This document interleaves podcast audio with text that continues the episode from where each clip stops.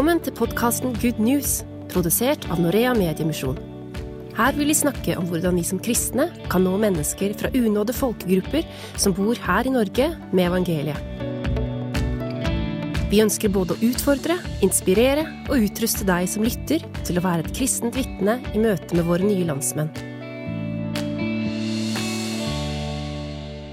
I Good News-podden denne gang skal du få den fjerde og siste episoden med islamforsker og teolog Martin Akkad fra Libanon. Han er også direktør ved Arab Baptist Theological Seminary i Beirut, og jobber mye med å veilede muslimer som ønsker å bli Jesus-etterfølgere. Akkad har vært i Norge flere ganger som foredragsholder, annet i regi av Stefanusalliansen og Norme, Norsk råd for misjon og evangelisering. I sin veiledning er Martin Akad opptatt av at Jesus-etterfølgere med muslimsk bakgrunn i størst mulig grad skal få muligheten til å fortsette å leve som salt og lys i sine nærmiljø, også etter at de har tatt imot Jesus. Han ønsker å hjelpe dem til å finne en vei der de ikke trenger å gi avkall på alt det kulturelle eller gjøre opprør mot familie og venner. Går det an å være en kristen uten å måtte bli vestlig og forlate den kulturen der man er vokst opp? Nettopp begreper som muslim, kristen, konvertitt, kristen kultur og muslimsk kultur er noe av det Martin Akad utfordrer oss på. Det blir også tema for dagens episode, der han fortsetter sin samtale med Janet Seierstad i NLM og prest Temesken Shibrogalla i den etiopiske menigheten i Oslo. De har alle tre ikke-norsk bakgrunn, selv om to av dem er gift med nordmenn og bosatt i Norge. Derfor har de ekstra gode forutsetninger for å se på oss nordmenn med et lite blikk utenfra. Mitt navn er Jostein Seth, og jeg er tilknytta Norea Mediemisjon, som produserer denne podkasten. God fornøyelse. So, this idea of being called to be a disciple in your environment, being called to be a disciple to your own family, is that a possibility? Is that a vision to have? Is that a dream to have, of dreaming that your family can one day be with you in the kingdom of, of Christ? Yes. Uh... I think most certainly. I think that um, um, we we need to um, help early disciples, young disciples, to make the right decisions in their life as they move forward on that journey. We shouldn't tell them what to do, but we need to help them ask the right question. And one question is what, how is your decision going to affect your witness in your community? And so I'm talking about small life decisions. So let's say someone um, used to uh, fast, Ramadan fast, and uh, they come to me and they say, you know, uh, what should I do? Ramadan is coming. Should I continue to fast? Uh, if I don't, uh, it's going to be considered uh, as, you know, people are going to be offended. And if I do, I feel I'm being, I'm not being honest because they'll assume that I'm a Muslim. And I don't have an answer to that. Uh, it's going to depend uh, in the case of every individual.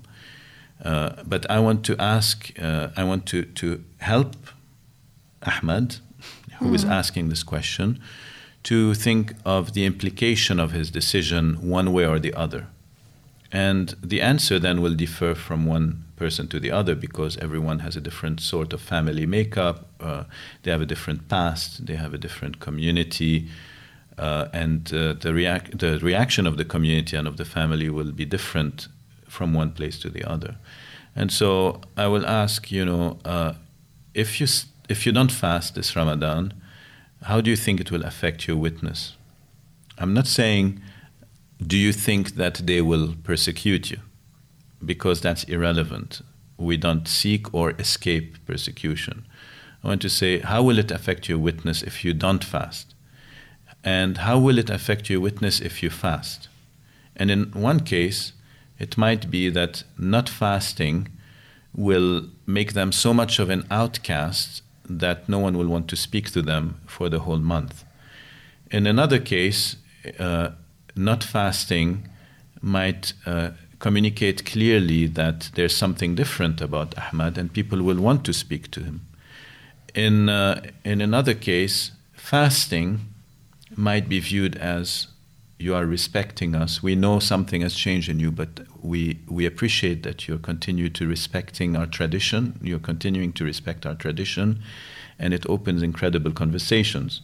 In other cases, fasting might be viewed as ah, finally this guy has come to his senses and he is a Muslim again, and it completely eliminates any possibility to witness to Jesus.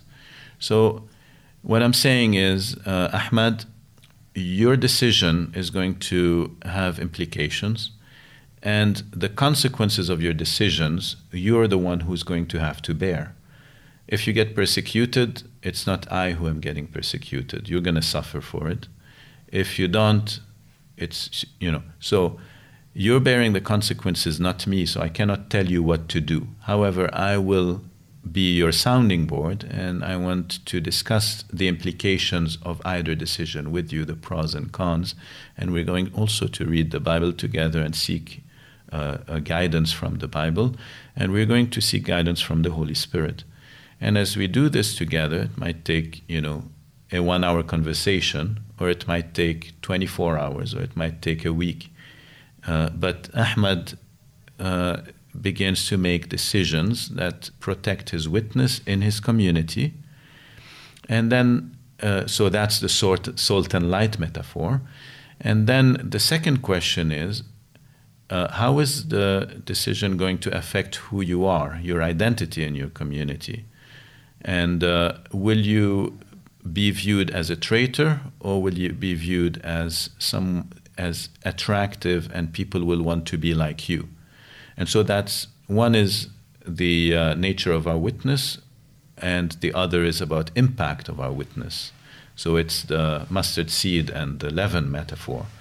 And uh, so, and there again, if we take the example of fasting the fast of Ramadan, um, uh, are you presenting a model that other people will want to will you are you offering possibilities for others to follow in your footsteps?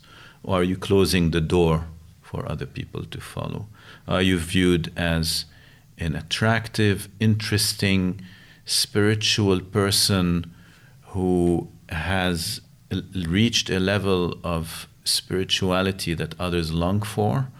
Or are you a traitor who has betrayed your people, uh, who uh, is a disgrace and a dishonor to your community, and no one will want to come close to you. And I think these these are the two core questions of discipleship. They don't, by the way, only apply to Muslims. They apply to all of us, wherever, whatever our background is, whether. Mm.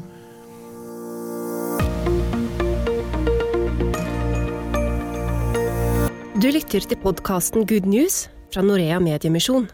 Well, and, and with the backdrop of it not just being a single conversation, a single event, but it's a oh, continuous yeah. process where one is growing to be more Christ like uh, day after day, week after week, year after year, and the process of learning to integrate one's faith in the environment uh, yes. one is in. Yes. So we can we can easily have this fear when we start to talk about this of syncretization we don't want to go down that path because uh, we would lose the ability to have salt and, and light. We'll just fall back into hmm. into Islam. But having this idea of being firmly growing and anchored in the faith and learning by trial and hmm. error to to integrate the faith, uh, I think is uh, yeah the issue of perception, the way um, this Ahmed is perceived by his family. Mm-hmm. Uh, when he become Christian and he say he is a follower of Christ uh, or Christian, you say that it's like a threat or a treason of some sort. Uh, we can disciple him and uh, make sure that he understand it differently. But the, the perception is there within the culture. I come from East Africa and the immediately when you are not Muslim anymore uh, in certain people group, you are going to be considered as an outsider. You cannot be uh, Christian and then that specific tribe, Arab or, or something. So uh, we don't seems to ha- seem to have control over how other people think uh, about that. So, and because of that, persecution will come uh, because of their wrong perception, probably. So, as a Christian, how do we walk with somebody who really face real persecution? Because there is such a thing. yeah. Oh, yeah. Uh, well, uh, I, want, I want to point out to the language you're using. You're using the language of Christianity and Islam. And so you're, you're drawing us into this cosmic battle between religions. And what I'm saying is uh, it, the journey of discipleship consists in dropping the word Christian when it is understood as a camp. Okay? In Norway, if you're a Christian, you're saying, I have uh, uh, I'm committed, I'm a believer, I go to church on Sunday, I belong to a community of faith. In East Africa, in the context you're referring to, if you say I'm a Christian, it means you've changed camps. Uh, it's, it's, it's almost political and cosmic in, in, in, implication. It has nothing to do with your spiritual uh, direction. So I'm, I'm saying we need to drop the language that uh, makes us part of one camp against another camp and develop new language that really expresses what it means to be a disciple of Jesus. In, uh, in, in my book, Sacred Misinterpretation, I've developed a, a spectrum uh, with five positions going from syncretism to polemics. And I want to point this out because I think the way we think about Islam affects the way that we do discipleship and that we understand being a disciple of Jesus.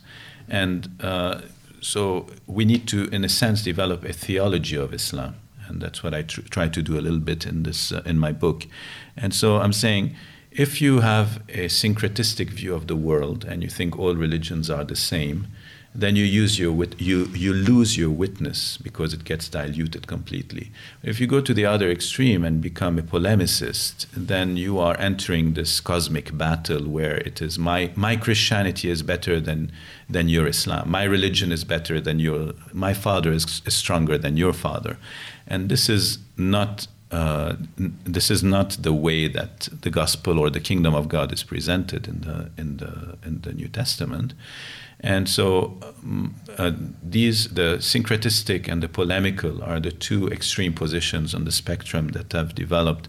But further, uh, further right from syncretism is what I call existential position, and further left from polemical is what I call the apologetic position. And here you're beginning to enter more into uh, more workable engagement between uh, between people. But then, right in the middle, I've uh, identified what I call the kerygmatic position, and that comes from the Greek kerygma, which means proclamation.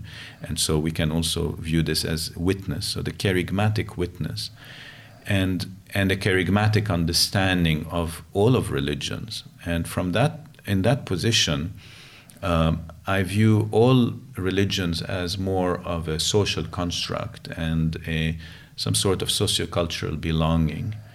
Uh, and but the at the heart of the kerygmatic is Christ Himself.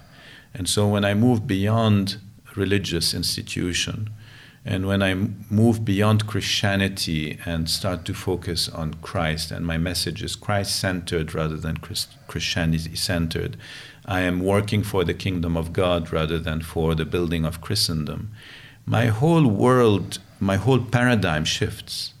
And when I'm interacting with a Muslim, I'm not inviting him to become a traitor in the sense of abandoning Islam and joining my Christianity. I'm telling him, I have good news for you. Uh, within your sociocultural structure, you can become a disciple of Jesus. And so it is, you know, I use the two buildings analogy, and uh, uh, too often our missions, as we call them, have been I have my building of Christianity, and you have your, your building of Islam, and they're incompatible. So I'm going to destroy your building of Islam, and I'm going to build a new building in its place called Christianity. And I think the kingdom of God is different. I think it is going to the building of Islam and finding the inhabitant and saying, I don't, my desire is not to make you homeless. I don't want to destroy your house because I don't have another house to offer you because Jesus hasn't founded a, a religious house, a religious institution. However, he speaks about the spirit, and so I want to, within your house, I want to, uh, I want to pray that the spirit, that the Holy Spirit, the Spirit of Christ, will come and take and, and fill your house and transform your house and transform your own life and your community. And that for me is, uh, is the kerygmatic type of witness that we're called to, the kerygmatic type of, of witness, of discipleship, the kerygmatic type of viewing the other, the religious other, and, uh, and the kerygmatic approach to how we practice and live out the kingdom of God wherever we are, including in Muslim contexts. Utfordrende tanker og kanskje en litt annerledes tilnærming enn vi er vant til. Men det som altså er Martin Akad sitt hovedanliggende, er hvordan vi kan hjelpe såkalte konvertitter til å være lys og salt i sine egne nærmiljø etter at de har blitt kristne. Og hvordan vi kan ta på alvor det faktum at 80% av konvertittene faller fra sin kristne tro og ofte vender tilbake til det gamle ifølge forskning. Du har altså hørt islamforsker og teolog Martin Akad fra Libanon i samtale med Janet Seierstad i NLM og temesken Shibro Galla fra den etiopiske menigheten i Oslo. Hvis du har kommentarer, spørsmål eller synspunkter til det du har hørt i denne podkasten, så er du hjertelig velkommen til å ta kontakt med oss. E-postadressen vår får du ganske straks. Ellers må du gjerne søke opp de andre podkastene i denne serien på fire. Den du har hørt i dag, er den siste i serien. Jostein Seth fra Norea Mediemisjon takker for følget i dag, og ønsker på gjenhør.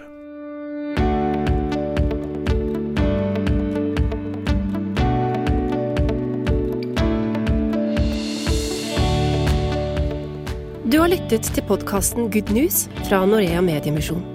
Ta gjerne kontakt med oss om du har spørsmål eller kommentarer. Send e-post til goodnews krøllalfa norea.no. Altså good news i ett ord. Krøllalfa norea.no. Et godt tips er også å laste ned appen Good News Media og kontakte oss gjennom den. Der vil du finne flere episoder i denne podkasten og masse andre ressurser.